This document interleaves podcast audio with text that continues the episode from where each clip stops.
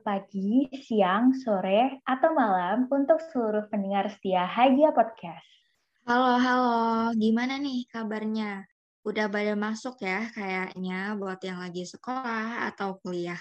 Bukan masuk malah, tapi ini mau UTS nggak sih? Buat yang kerja, tetap semangat ya. Cuma lima menitan aja nih buat dengerin Haja Podcast. Bisa sambil ngerjain hal yang lain juga. Ips, bener banget. Tapi gimana kalau kita kenalan dulu? Siapa tahu ada yang mau nge-stalk kita gitu. Udah pede banget ya di stalk gitu. Mungkin uh, dimulai dari aku ya.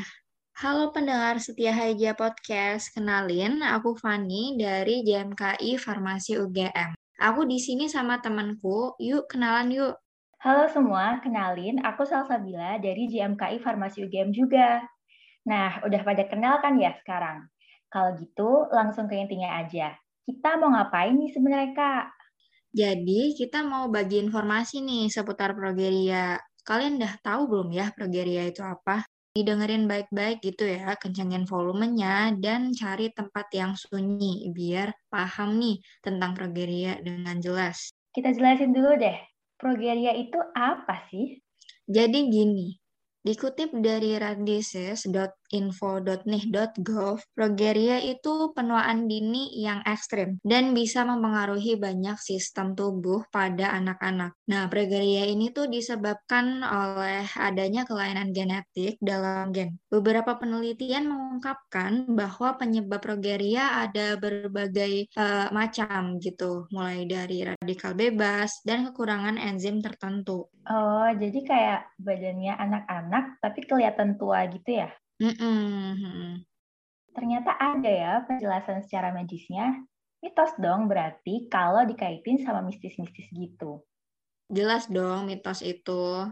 Oh iya, aku juga baca nih. Gejala progeria itu dimulai saat usia satu tahun. Ditandai dengan pertumbuhan dan penambahan berat badan yang buruk. Sebentar, sebentar. Terus bedanya sama gejala kurang gizi dan yang lainnya tuh apa? Gini-gini. Jadi, pada anak dengan gejala progeria, itu punya penampilan wajah yang khas, kayak kepalanya besar, tapi mulut dan dagunya kecil. Gigi berjejal, matanya menonjol, botak, terus hilangnya lemak bawah kulit, dan juga kelait sendi. Hmm, tadi kan terlihat lebih tua gitu ya, Sal? Berarti ada gejala yang kayak orang yang jauh lebih tua gitu nggak? Ada dong. Untuk orang yang lebih tua, gejalanya lebih serius. Ditandai dengan kekakuan sendi, dislokasi pinggul, osteoporosis, gangguan pendengaran, hingga penyakit jantung. Waduh, bahaya juga ya. Tapi nih, biar lebih pasti, mungkin orang yang ngerasa apa ya ketemu gejala-gejala yang mirip nih kayak progeria, daripada nebak-nebak, mungkin bisa dilakuin pemeriksaan klinis dan dikonfirmasi lagi dengan tes genetik ya. Iya, bener banget tuh, daripada salah kan ya. Terus-terus, aku mau nanya nih, sebenarnya banyak nggak sih penderita progeria itu? Hmm, jadi berdasarkan data statistik nih, diperkirakan satu dari 4 juta bayi yang lahir dengan progeria dan satu dari 20 juta orang di dunia punya kondisi yang kayak gini. Terus aku mau nambahin satu fakta nih, bahwa orang tua yang pernah punya anak progeria bisa jadi kemungkinan anak yang lainnya itu progeria sekitar 2-3 persen, Sal. Sebenarnya cukup langka ya kejadian progeria ini. Kalau untuk pencegahannya, kira-kira ada nggak ya?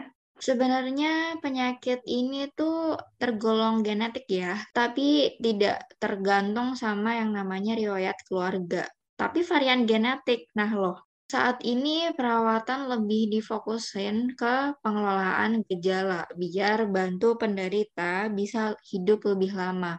Dan untuk obatnya sendiri nih udah disetujui oleh FDA, salah satunya adalah lonafarnib. Obat ini bisa ningkatin status kardiovaskuler, terus struktur tulang, dan harapan hidup anak yang terkena progeria. Penyebab dan pencegahan yang sulit berarti mengharuskan kita, apalagi yang sudah menjadi orang tua, untuk senantiasa menjaga kesehatan. Bisa dimulai dengan konsumsi makanan bergizi, menghindari minuman beralkohol, merokok, dan gaya hidup tidak sehat lainnya. Yap, benar banget. Wah, by the way ini nggak kerasa ya, kita udah lima menitan, mungkin nemenin pendengar setia kita Haja Podcast. Dan kita udah share info nih tentang progeria. Semoga makin tambah nih ya ilmunya. Kita pamitan yuk. Ya, kita pamitan nih. Oke deh, terima kasih banyak kepada pendengar setia Hijia Podcast. Semoga informasi yang kami berikan bisa menambah wawasan pendengar sekalian. Dan jangan lupa, apa Kak? Jangan lupa untuk di-share podcast ini ke teman, keluarga, kerabat, tetangga, pokoknya semua deh. Jangan lupa juga buat selalu pantengin Haja Podcast dan tunggu episode terbarunya. Salsabila Ansa Lutfi dan Fanny Berlian pamit undur diri. Terima kasih dan jangan lupa protokol kesehatannya. Bye-bye. Bye bye.